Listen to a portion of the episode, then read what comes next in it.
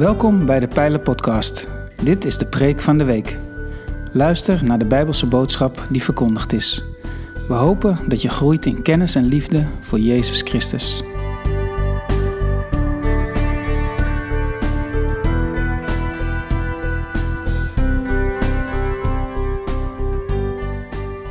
Een proclamatie op een dag waarin we degene herdenken die ons ontvallen zijn, degene die er niet meer zijn.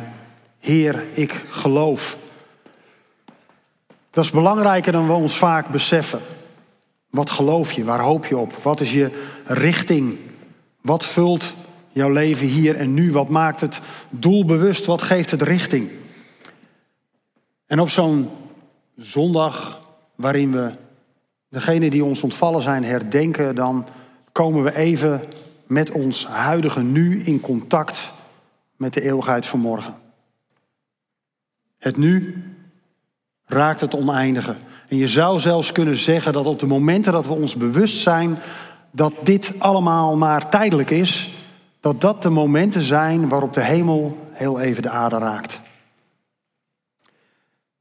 We weten niet precies wat er hierna is. Er zijn mensen met bijna doodervaringen, um, maar ja, die zijn dus niet echt dood. De enige die het ons kon vertellen was Jezus. Die opstond uit de dood na drie dagen. Die redelijk overtuigd dood was. Daar waren de Romeinen heel zeker van. Die opstond, die terugkwam en ons vertelde wat er is aan de andere kant van de dood. Als we zingen dat Hij de dood heeft overwonnen, dan was het dat moment. En in Hem leeft onze hoop. En als we dan denken over die eeuwigheid, en we gaan daar straks iets over lezen wat in het boek Openbaring staat. Maar als we denken over die eeuwigheid, dan, dan kleuren we die meestal in met datgene wat wij kennen van hier en nu. Dus als we iets nu heel leuk vinden, dan gaan we ervan uit dat we dat ook in de hemel tegenkomen. En als we hele kostbare mensen om ons heen hebben, dan gaan we ervan uit dat we die kostbare mensen daar ook tegen zullen komen. Want als het daar alleen maar goed is, dan doe je toch alles wat leuk is. En ik weet het niet, want het is wel van alle tijden. Ik bedoel, ik weet dat de vikingen en de Noormannen, die gingen ervan uit dat als zij op het slagveld stierven met het zwaard in de hand, dan kwamen zij in het Valhalla. De zaal van de grote ruimte waar Odin, de oppergod, een ruimte had ingericht die zo groot was dat daar dagelijks strijd werd geleverd. En elke dag kregen zij de eer om weer te sneuvelen in de strijd. Voor hun was de strijd datgene wat je deed. Dat was het doel van hun leven. Dus logisch dat zij de hemel daarna inkleuren met continue strijd. Want dat was wat hun leven richting gaf. Als je het aan de gemiddelde boeddhist of een hindoe vraagt, dan zal die zeggen, er is niet echt zoiets als een hemel. De hemel bereik je zelf. De hemel bereik je door te proberen los te laten wat je hier vastbindt. Ik noem dat op zijn plaats gezegd niks meer willen. Daar liep het voor mij ook stuk toen ik dat ooit onderzocht. Want als je niks meer wilt, willen, dan wil je dus iets. Je wilt namelijk niks meer willen. Ik weet niet of je hem nog snapt, maar dat is een beetje een cirkelredenatie. Ik kwam er in ieder geval niet uit. En de, en de hindoes en de, de boeddhisten die geloven daar in een systeem van reïncarnatie. Als je dit keer niet lukt, volgende keer beter. Mits je het goed geprobeerd hebt, want anders dan is het een, een glijdende schaal. En wij christenen wij baseren datgene wat wij geloven over een leven na de dood op de Bijbel. Wij baseren dat op de woorden van Jezus, op datgene wat is geopenbaard aan mensen in die tijd van de Bijbel. En als je het goed bedenkt, iemand die schreef dat laatst ooit, is dat dit soort informatie kun je alleen maar krijgen door openbaring. Als je namelijk iets moet weten buiten jouw werkelijkheid, dan betekent het per definitie dat jij dus niet ziet hoe die werkelijkheid is. En iemand die beschreef dat in een stuk als, als een inwoner van het regenwoud, het regenwoud van binnenuit helemaal kent, dan heeft hij geen idee wat dat regenwoud betekent voor de wereld. Dat weet hij pas als er iemand in dat regenwoud komt en hem vertelt wat dat regenwoud voor effect heeft op de hele wereld. Dus wij van binnen onze werkelijkheid, dat wat wij zien, ervaren, wat we wetenschappelijk kunnen meten en empirisch kunnen toetsen, hebben maar een beperkt zicht op wat de invloed is van wat wij hier allemaal doen op de eeuwigheid. Openbaring. Een ingewikkeld boek. En ik wil jullie meenemen naar het eind, maar even schetsen wat ervoor staat. En dat doe ik heel erg beknopt. Degenen die openbaring goed kennen denken, joh, je slaat het grootste deel over. Dat klopt. Want daar gaat het vandaag niet om.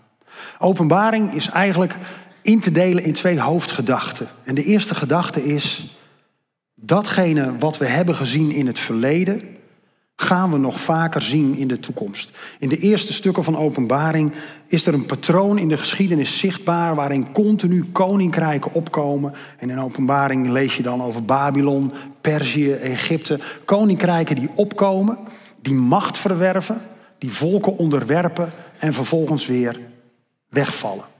En dan komt er een ander volk wat weer macht grijpt. En daarna komt er een ander volk en allemaal zijn ze eindig. En in onze tijd zouden we het terug kunnen voeren naar bijvoorbeeld de Duitsers die in de Tweede Wereldoorlog macht hebben gegrepen en daarna de macht weer kwijtraakten. Of tegenwoordig misschien wel iemand als Elon Musk die heel veel macht heeft omdat hij nou eenmaal heel veel geld heeft. Um, maar ook dat zal weer voorbij gaan, zegt de openbaring. Dat is allemaal tijdelijk.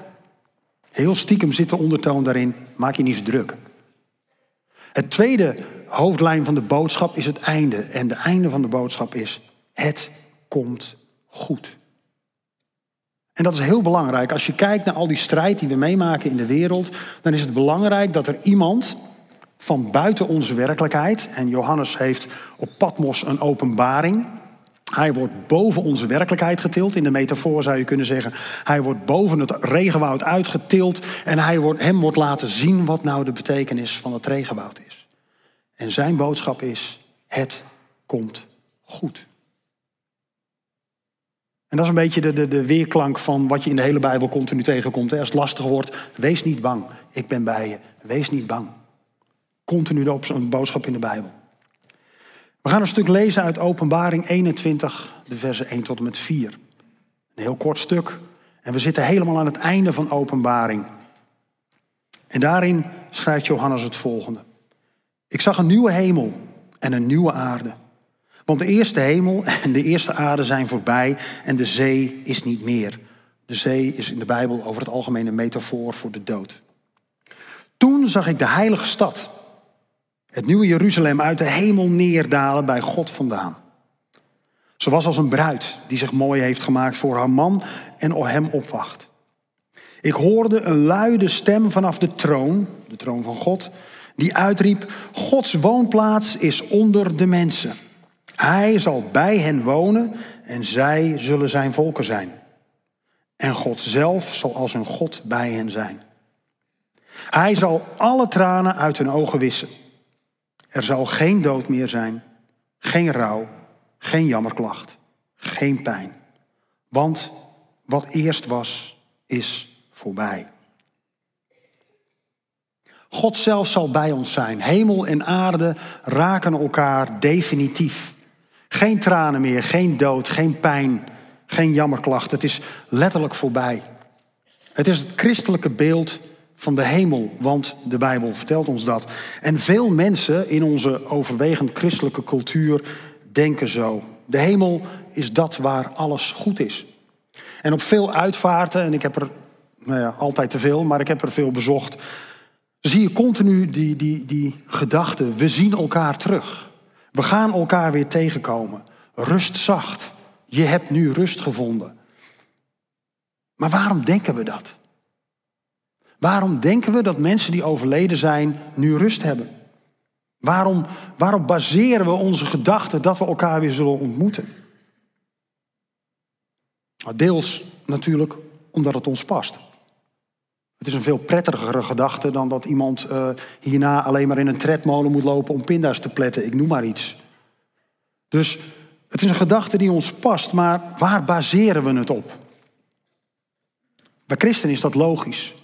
Maar als ik mensen die nog nooit iets met God gemaakt hebben gehoord, heb gehad, hoor zeggen, we zullen elkaar weer zien, dan denk ik, maar waarom verwacht je dat? En er zijn ook mensen die gaan ervan uit dat iedereen in de wereld uiteindelijk wel in de hemel zal komen. En ik vind dat een lastige gedachte. Want als alle mensen die niet veranderd zijn, onveranderd de hemel binnenkomen, dan wordt het daar in no time net zo'n puinhoop als dat het hier is. Dat is tenminste mijn misschien iets te logische redenatie. als onveranderde mensen naar de hemel gaan, dan gaan ze dezelfde fouten maken als dat ze hier maken. En dan wordt het dezelfde machtsstrijd als hier. Nu is er één geruststellende gedachte. Ik ga niet over het toegangsbeleid van de hemel. Wie je ook tegenkomt bij die poort die we ons wel eens voorstellen, ik sta er niet. Ik vind zelf zelfs dat ik geen recht heb om daar naar binnen te gaan. Maar ja, er is iemand die mij garandeert dat ik dat zou mogen. Alhoewel ik weet dat ik het niet verdien. Want ook ik maak, net als iedereen hier, fouten. We zijn allemaal gebroken mensen. Wie er wel over het toegangsbeleid gaat. Er is natuurlijk een tekst in de Bijbel waarin gezegd wordt dat Petrus de sleutel van de hemel krijgt. Dus vaak in onze gedachten staat Petrus aan de hemelpoort en die heeft dan zo'n afvinklijstje of je erin mag of niet. Nou, ik weet één ding zeker, dat degene die ten diepste bepaalt of we wel of niet de hemel binnenkomen is Jezus. We lezen dat in Matthäus 25. Wanneer de mensenzoon komt, omstraald door luister, en in gezelschap van alle engelen zal hij plaatsnemen op zijn glorierijke troon. Dan zullen alle volken voor hem worden samengebracht en hij zal de mensen van elkaar scheiden, zoals een herder de schapen van de bokken scheidt. Jezus scheidt mensen. Hij zal oordelen en hij zal in veel gevallen anders oordelen dan wij denken. Want wij mensen, kijk goed om je heen, wij zijn over het algemeen niet zo erg goed in oordelen. We maken er nog wel eens een puinhoop van. Eén ding weet ik zeker, althans zeker, één ding geloof ik zeker. God gaat geen mensen dwingen om bij Hem te zijn. Dus als mensen hun leven inkleuren met de gedachte, ik wil niks te maken hebben met die God, dan is God de laatste die zich opdringt om te zeggen van joh, nu moet je. Ik ga er dus vanuit dat er mensen zijn die we niet terugzien, gewoon omdat ze daar zelf voor gekozen hebben. En God is liefdevol genoeg om met pijn in zijn hart die keuze gestand te doen, denk ik.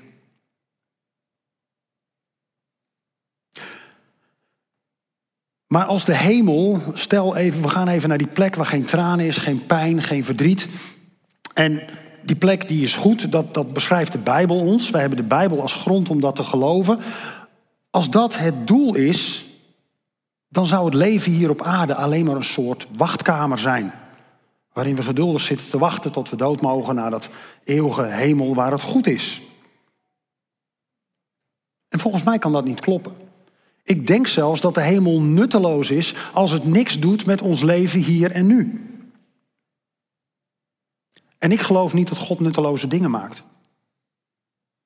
Ik geloof er echt niet in. Het leven daar, en we wijzen met de hemel vaak naar boven, ook zo'n gewoonte. Maar het leven daar moet hoe dan ook invloed hebben op het hier en nu. Invloed op de mensen die achterblijven. En ik las een boek, Parel in, uh, Parel in Gods Hand. Meer te helpen me even? Ja, Parel in Gods Hand van Henry Nouwen. Als ik de titel moet navragen bij mijn vrouw, weet je dat het een tijd geleden is dat ik hem gelezen heb. En Henry Nouwen is een, een bekend theoloog, ook bekend van de Hour of Power.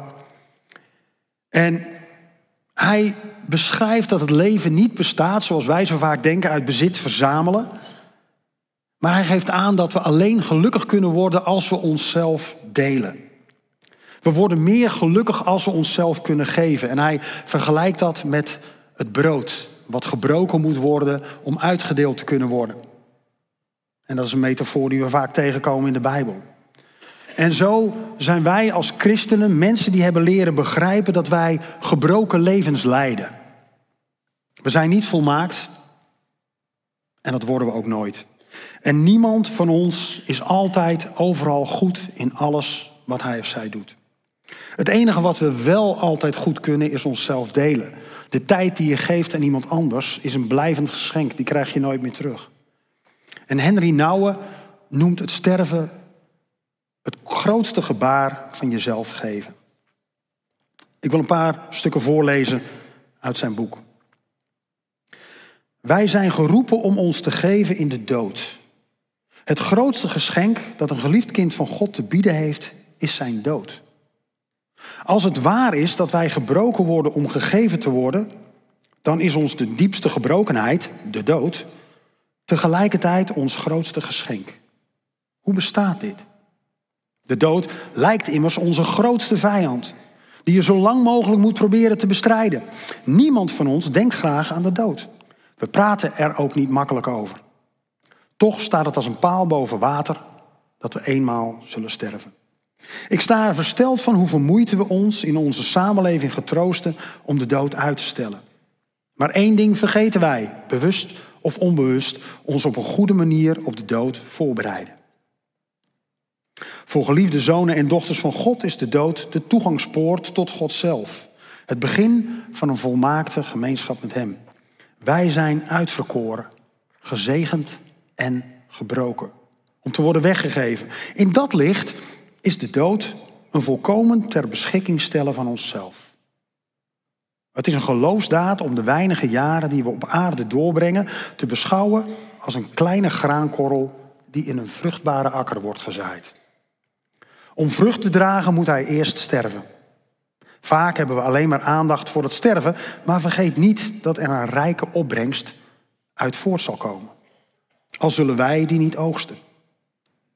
Vanuit dit gezichtspunt is de dood niet langer een ultieme nederlaag. Integendeel, ons sterven is dan ons laatste en definitieve jawoord. Het moment waarop we thuiskomen bij God. Deze visie op de dood is de meeste mensen vreemd. Ze zijn er bang voor, lopen er zo lang mogelijk van weg.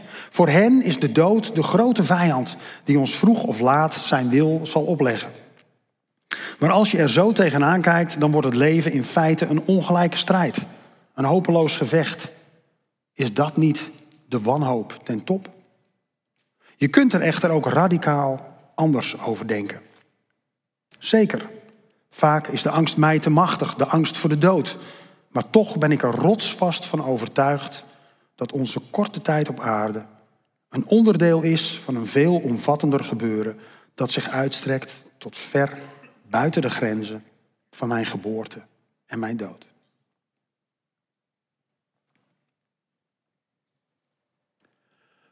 Vandaag staan we stil bij de mensen die er niet meer zijn. De mensen die ons zijn voorgegaan, de mensen die we missen. En wat hebben zij met jou gedeeld? Wat hebben ze aan jou gegeven?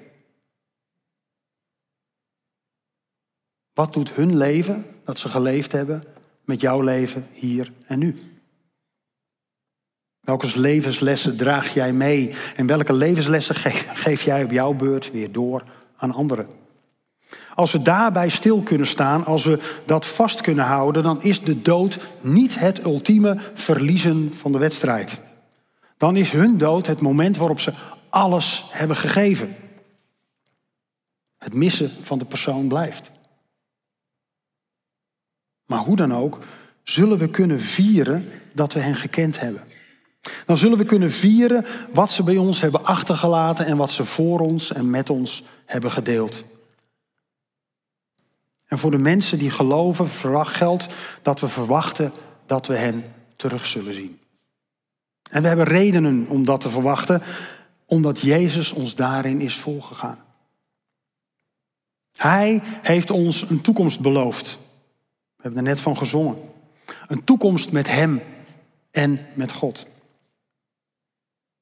Ik hoorde een luide stem, de stem van God. Vanaf de troon die uitriep, Gods woonplaats is onder de mensen. Hij zal bij hen wonen. Zij zullen zijn volken zijn en God zelf zal als hun God bij hen zijn. En daarom hebben we hoop. Van buiten onze werkelijkheid is ons geopenbaard dat er meer is dan wat wij zien. En op basis daarvan durven we te hopen. En die hoop die is zo zeker dat je het soms bijna kunt aanraken. Hij, Christus, zal alle tranen uit hun ogen wissen. Er zal geen dood meer zijn, geen rouw, geen jammerklacht, geen pijn. Want dat wat eerst was, is voorbij. Hoe sterk is de hoop in jouw hart? En waar is die hoop op gebaseerd? Is het omdat je gewoon een goed mens bent geweest? Omdat je nooit iets verkeerd hebt gedaan? Omdat je nooit andere mensen bedoeld of onbedoeld het beschadigt? Ik denk dat we van onszelf allemaal best weten dat we zo niet zijn. Maar fixen dat gewoon niet. Hoe hard we het ook proberen. Dus uiteindelijk hebben we iemand nodig die het voor ons opneemt.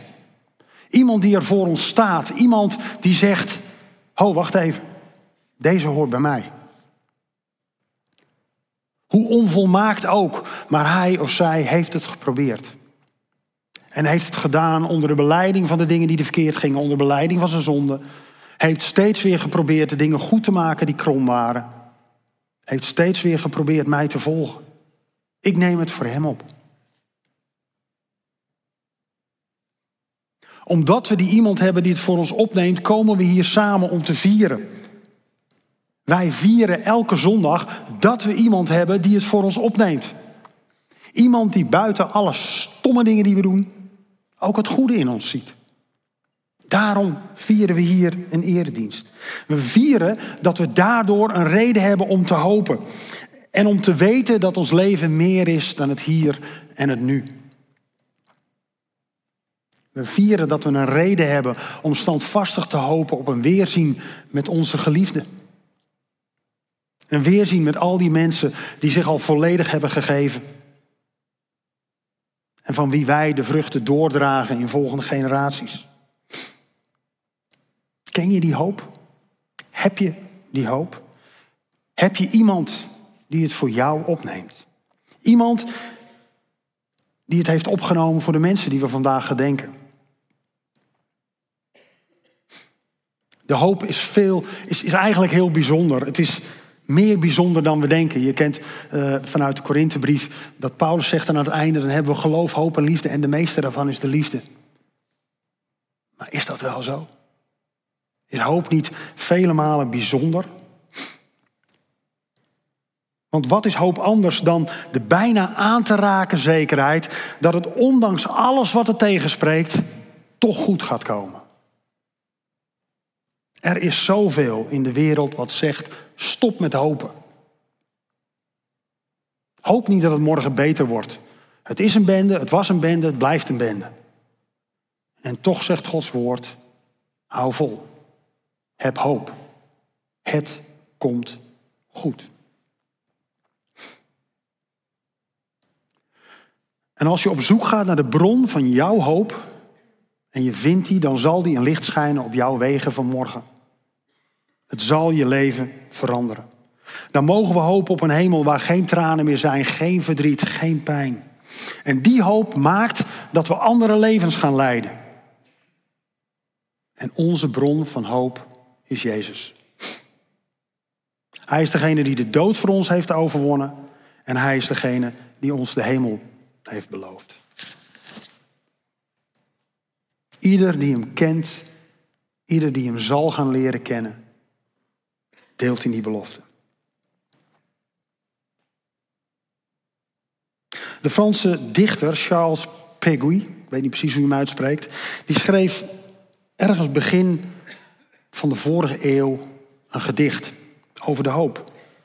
En hij deelt mijn gedachte dat de, de, de trio van geloof, hoop en liefde, dat liefde niet zo vanzelfsprekend de grootste en de beste hoeft te zijn. Ondanks wat Paulus zegt. En hij heeft een gedicht geschreven dat heet Het kleine meisje hoop. En ik wil dat voor jullie voorlezen en daarna bidden. En daarna gaan we zingen. Het geloof waar ik het meest van hou, zegt God, is de hoop. Geloof, dat verwondert me niet. Ik ben overal zo zichtbaar aanwezig in de zon en de maan en de sterren aan de hemel en in het gewemel van de vissen in de rivieren en in alle dieren en in het hart van de mens, zegt God. Dat het diepste is en het meest in het kind dat het liefste is dat ik ooit heb geschapen in alles wat boven en onder is. Ben ik zo luisterrijk aanwezig dat geloven, zegt God, in mijn ogen geen wonder is. Ook de liefde verwondert me niet, zegt God. Er is onder de mensen zoveel verdriet, soms niet te stelpen, dat je toch vanzelf ziet hoe ze elkaar moeten helpen. Ze zouden wel harten van steen moeten hebben als ze voor één die tekort komt het brood niet uit hun mond zouden sparen. Nee, liefde, zegt God, dat verwondert me niet. Maar wat me verwondert, zegt God, is de hoop. Daar ben ik van ondersteboven. Ze zien toch wat er in de wereld allemaal omgaat en ze geloven dat het morgen allemaal omslaat. Wat een wonder is er niet voor nodig dat zij dat kleine hoopje hoop nooit als overbodig ervaren, maar met voorzichtige gebaren in hun handen en in hun hart bewaren. Een vlammetje dat keer op keer weer wankelt en dreigt neer te slaan, maar altijd weer weet op te staan en nooit wil doven. Soms kan ik mijn eigen ogen niet geloven. Geloof en liefde zijn als vrouwen. En hoop is een klein meisje van niks. Ze stapt op tussen de twee vrouwen en iedereen denkt die vrouwen houden haar bij de hand. Die wijzen de weg. Maar daarvan heb ik meer verstand, zegt God. Ik zeg, het is dat kleine meisje hoop. Dat al wat tussen mensen leeft, hun heen en weer geloop, licht en richting geeft. Want het is dat kleine meisje hoop. Je ziet het zwak zijn, bang zijn, beven. Je denkt soms dat het zo onogelijk is. Het is dat kleine meisje hoop dat de mensen zien laat, soms even, wat in het leven mogelijk is. Het geloof, zegt God, waar ik het meest van hou, de liefde waar ik het meest van hou, is de hoop. Geloof, dat verwondert me niet. Liefde, dat is geen wonder, maar de hoop, dat is haast niet te geloven. Ikzelf, zegt God. Ik ben er van ondersteboven. Laten we bidden.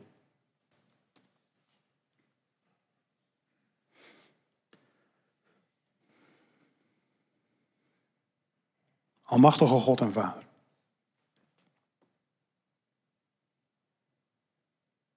We denken vandaag in het bijzonder na over de mensen die u bij u heeft gehaald thuis.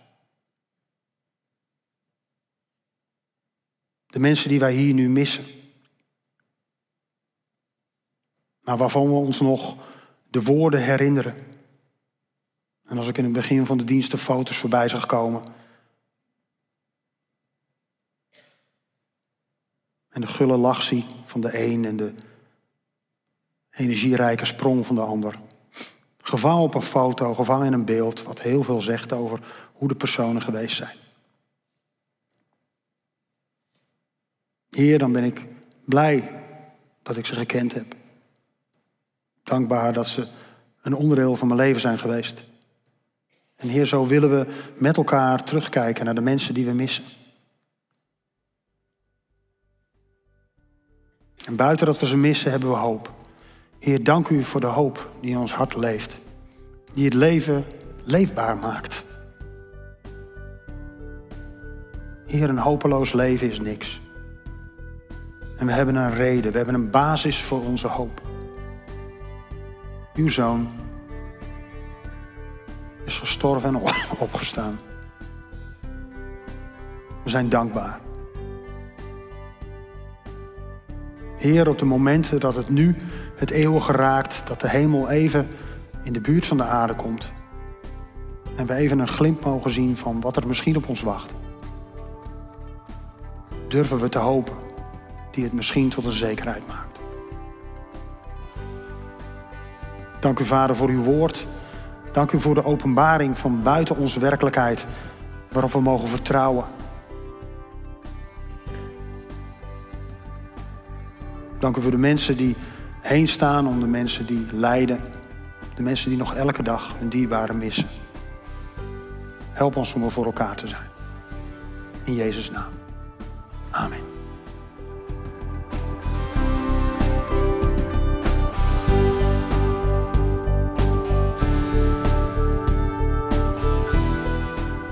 Bedankt voor het luisteren naar deze aflevering van de Pijlen Podcast, Preek van de Week.